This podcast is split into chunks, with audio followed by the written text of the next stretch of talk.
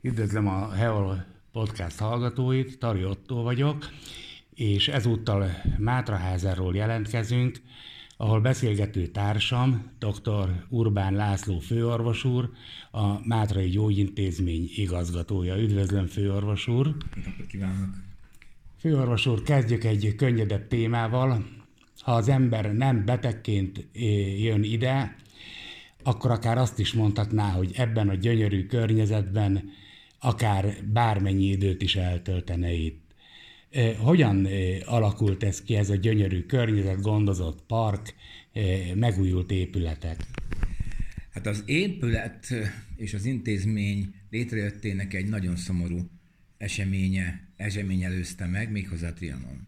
Magyarország elvesztette a hegyvidékének jelentős részét, elvesztette a szanatóriumot ugye felvidéken, mint Erdélybe, és szükség volt egy országos intézetre, ahol a légzőszeri betegeket kezelik. És akkor jött az ötlet, hogy építeni kell egyet, a kormány úgy döntött, hogy felépítenek egy ilyen intézetet, ami Európa akkor legnagyobb intézete lesz. Két helység jött szóba, az egyik a Bük, a másik a Mátra. Azért esett a választás a Mátrára, mert itt találtak vízforrást, 24 furtkutat csináltak, ez egyébként egy gránit sziklán vagyunk, és itt furtkutakat tudtak csinálni, mai napig 12 működik belőlük, és akkor úgy döntöttek, hogy na akkor a Mátra, mert itt van víz. És akkor fölépítették az intézetet, mondom, Európa legnagyobb intézetét építették fel 34-re, a legmodernebbet, volt itt melkas sebészettől kezdve minden, és az akkori eh, profilja az intézetnek főként a TBC volt. Tehát gyakorlatilag a tuberkulózis felszámolására építették. Persze később megváltozott a jellege, csináltak egy gyönyörű angol parkot, azt is tudni kell, hogy a háborúban nagyon nagy veszteségei voltak a kórháznak, itt vannak katonasírok is, 50 ágyal tudott újraindulni, a felét lebombázták, és akkor átalakult minden. Itt egy angol park volt, akkor a szovjetektől kaptak fenyőfákat, azokat beültették, amik ugyan a Mátrától testidegenek, hisz ilyen fenyők, ugye szibériai fenyők nem nőnek, de kialakult a jelenlegi arculata. Régebben volt itt péksége, saját disznóhizlaldája, minden, hisz önállátóra kellett, kellett berendezkedni a kórháznak, mások voltak az infrastruktúrális viszonyok, és más volt a közlekedés is.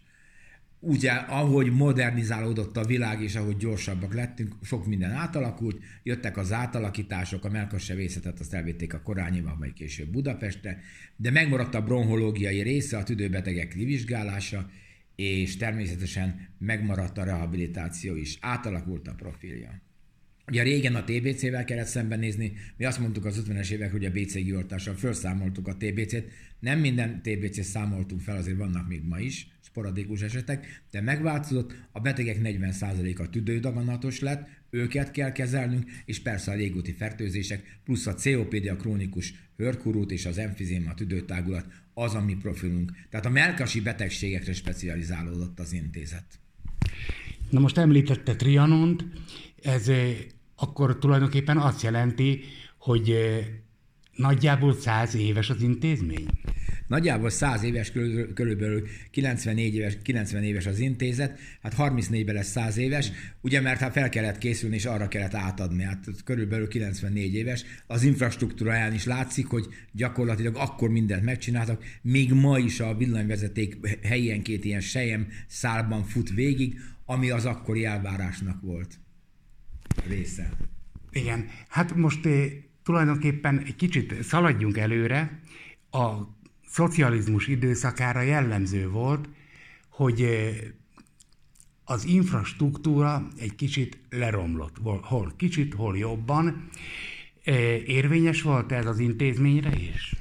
Központi fejlesztések nem történtek. Tehát gyakorlatilag, ha azt mondom, hogy, hogy az intézetet át kellett volna építeni, hozzá kellett volna toldani, kékestetőn is re, re, renoválni kellett volna az egészet, erre nem jutott pénz. Nem is történt meg. Gyakorlatilag a fejlődése igazán a 90-es évek után kezdődött az intézetnek, akkor kezdődtek azok a pályázati lehetőségek, amelyel az intézetet úgymond megpróbáltuk modernizálni, felszerelni. Persze szükség lenne egy teljes generálra, úgy Mátráz, mint Kékestetőn, ami több milliárd lenne, ugye ez kormányzati szándék kellene, és a pénz ahhoz, hogy hogy Mátraházát teljesen felújítsuk, gyakorlatilag a falig le kellene mindent verni, újra kellene, szerv, újra kellene készíteni. Külső részekben ugye solymosi kő van, ami egy homokkőszerű, azok porladnak, hogy bemegy az eső, azokat újra kellene rakni, tehát sok mindent meg kellene csinálni, valahol ez az épület azért műemlék jellegű is már, tehát ezeket olyan szépen, óvatosan rendbe kellene hozni. Ehhez hosszú idő kell és sok pénz valószínű, és egy békésebb időszak, mint egy ilyen hol háború, hol infláció, hol gazdasági válság, tehát ezek, és ez nagy volumen, ez nagy intézet, tehát erre azért sok pénz kell. Hát meg ugye fel kellene mérni, először meg kellene csinálni a terveket, és utána pedig ugye költségvetésére megcsinálni, hogy mire van szükség.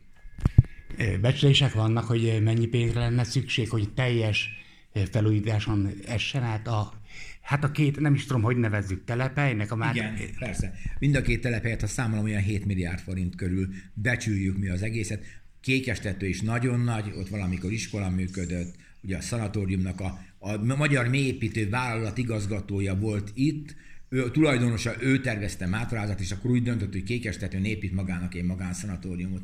Ez magánszanatóriumnak készült, amit később átadtak a magyar államnak, és ők elmentek a Svájcba, el, eltávoztak Svájcba, az épület itt maradt, de itt iskola volt, sok minden olyan rész volt, amit régen ugye a tév, az aszmás gyerekeket úgy kezelték, hogy itt volt az iskolájuk, évekig voltak itt a gyerekek, ma már nem modern terápia van, erre nincs szükség, ott is föl kellene menni, és át kellene azért struktúrálni az intézetet. A, tulajdonképpen nem árulunk el titkot a hallgatóknak, hogy két éve lesz lassan, hogy én is ide járok, és a kezelő orvosom, horvát főorvosnő azt mondta, úgy fogalmazott, hogy tulajdonképpen ez az intézmény egy ajándék. Na most ő nem csak az infrastruktúrára, hanem úgy a szakmai felszereltségre, mint a kollégákra gondolt. Tehát gyakorlatilag arra utalt, hogy egy szép környezetben egy nagyon eredményes munkát tudnak végezni. Minek szólhatott a főorvosnő ilyetén jellemzése? Évekig nagyon sokat pályáztunk, és azt hiszem, hogy az intézet az Magyarország egyik legmodernebb bronhológiai stüdiógyógyászati intézete, minden műszerünk megvan, ami Nyugat-Európában megvan. Tehát mi a teljes spektrumát meg tudjuk csinálni a kivizsgálásnak, a műtéti kezeléseket, sugárkezelés logisztikailag az országos onkológián el tudjuk végezni. Tehát megvan az a kapcsolat, és ma már ez egy multidisziplinális, tehát tök szakmából álló rész, amit gyorsan meg lehet oldani. Ami nagyon fontos, az a naprakészség, és elhaladt az idő. Ma már nem tüdődaganatban gondolkozunk, nem betegségben, hanem a betegségeknek a leosztásában. Molekuláris szinten történik a betegségek meghatározása, és ebben a Mátraháza élén jár. Éppen most készül egy nagy nemzetközi cikk, amelyben a pont a mi betegeinknek az adatait dolgozzuk fel, nem titok, hogy minden betegnek, aki ide beteszi a lábát, és akit daganattal kezelünk, 52 génes vizsgálatot csinálunk, a ritka betegségben 500 génes vizsgálatot csinálunk, tehát gyakorlatilag a PCR-nak ezeket a részét mi már használjuk.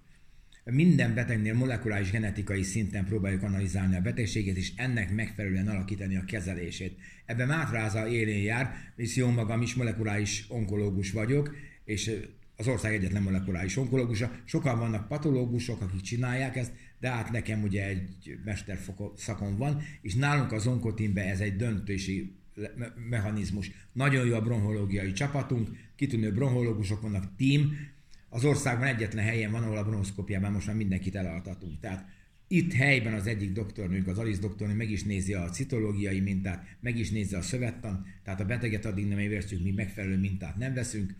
A logisztika az nagyon egyszerű, ezt követően megtörténik a patológiai vizsgálat, majd a patológiai korszövettani vizsgálat után a molekuláris genetikai feldolgozása a daganatnak, és ehhez alakítjuk a kezelést.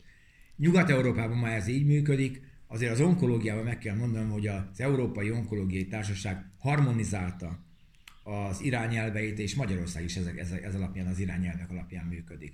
Tehát amikor régebben azt mondtuk, hogy a, a daganatos betegek, a nem operálatok daganatos betegek tehát az átétes betegek 5 éves túlélése az 7% 8% utána 17 ról beszéltünk, ma már 50% körüli arányról beszélünk, hogy a betegek, az átétes betegek 50 a túl, megéri az 5 évet, illetve túl is él azon.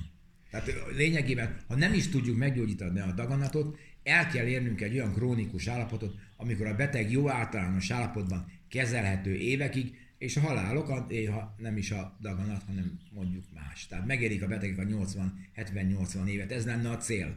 Hisz egy ne, nem tudjuk a daganatnak az eredetét, azt tudjuk, hogy rengeteg dohányzás, környezeti ártalom okozza, hogy a genetikája miért változik meg az embernek elől, ezt mai napig nem tudjuk. Tehát ezt pontosan nem tudják. Azt tudjuk, hogy vannak molekuláris célzott gének, amelyeket kezelni kell, de önmagában a mechanizmus még a mai napig nem tisztázott. Hát valószínűleg Nobel-díjat fog érni az, hogyha valaki ezt fel tudja fedezni, mert onnantól kezdve egy más irányt fog venni az egésznek a kezelése. Na most, amit a főorvos úr az elején említett, hát a számomra laikus számára kevésbé volt érthető, onnan viszont annál inkább, amikor az 50%-ot kezdte említeni. Annál is inkább, mert hát magam is ebben vagyok, és jelenleg egy stabil állapoton van. Igen.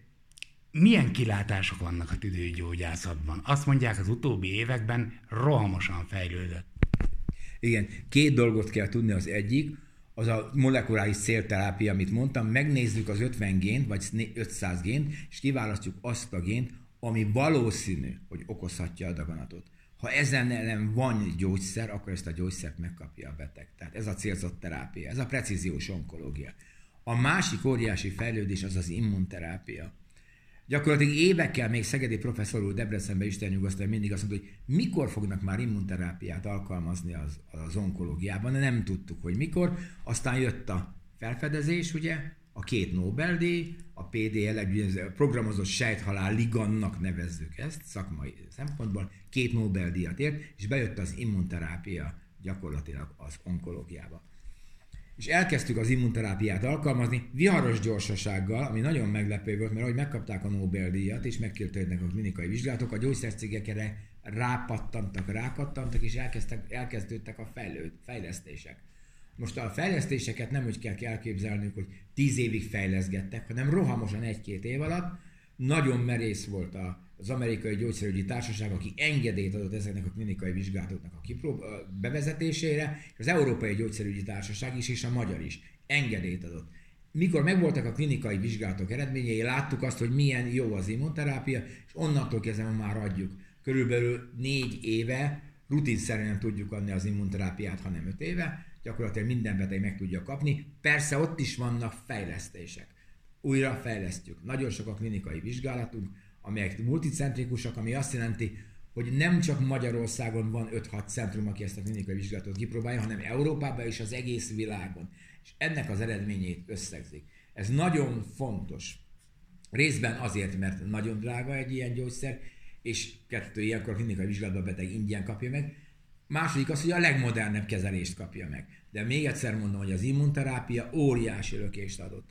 Nem szabad elfelejteni azt, hogy a hatékonyság szempontjából nagyon fontos a kemoterápia, újabb, új és újabb molekulák vannak, sokkal jobbak, és ma már azt tudjuk, hogy a kemoterápiát immunterápiával kell kombinálni, ekkor a leghatékonyabb. És mindezt önök itt Mátraházán tudják. Mi ezt mindet tudjuk biztosítani, gyakorlatilag országos intézet, vagy most már országos társgyógyintézet, de gyakorlatilag biztosítani tudjuk a betegnek.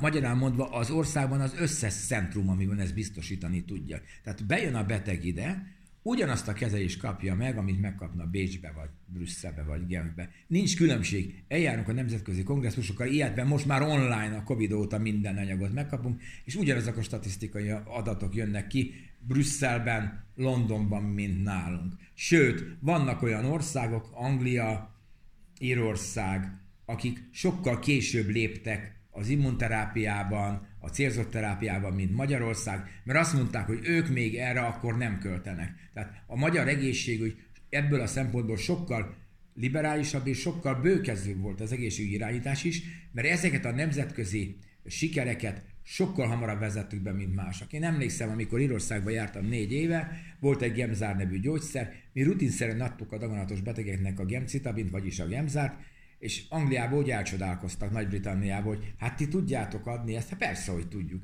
És ti, hát mi külön engedélyen nagyon nehezen csak válogatott beteganyagnak, amikor már, már, már semmi nem segít. Tehát sokkal hamarabb tudtunk adni, vagy az érképzésgátlókat. ott megvizsgálták, és azt mondták, hogy hát az érképzésgátlók nem olyan hatékonyak, még ezeket nem fogjuk adni, várunk egy kicsit az eredményekre. Mi már tudtuk adni. Tehát aki kollégák kimentek Nagy-Britanniába dolgozni, és itthon liberálisabban tudtak kezelni, azt mondták, hogy nagyon keretek közé vannak szorítva. Tehát Magyarország sokkal hamarabb tudott sokkal több molekulát vagy gyógyszerkészítményt alkalmazni, mint a Nyugat-Európa. Ma már ők is átveszik, ki, kezdik kiegyenlíteni, igaz Nagy-Britannia kilépett az Európai Unióból, de a gyógyszerügyi társaságnak tagja. De mondom, hogyha megnézem azt a statisztikai adatot, hogy Magyarországon milyen a daganatnak a túlélése, és milyen Nyugat-Európában, különbség nincsen. De általában medicinában már nincsen, mert egységes irányelvek vannak, és az egész Európában egységes irányelvek vannak. Ugye a kardiológiában, mint az immunológiában. Nem is lehet ez másképpen. Hisz a gyógyszercégek azok nem magyarok, hanem már multinacionálisak. Multinacionálisak fejlesztik a molekulát, eladják mindenhol. Ez egy globális nagy piac, de van egy óriási nagy nyeresége, az egészség nyeresége a betegnek. Köszönöm szépen. Szívesen.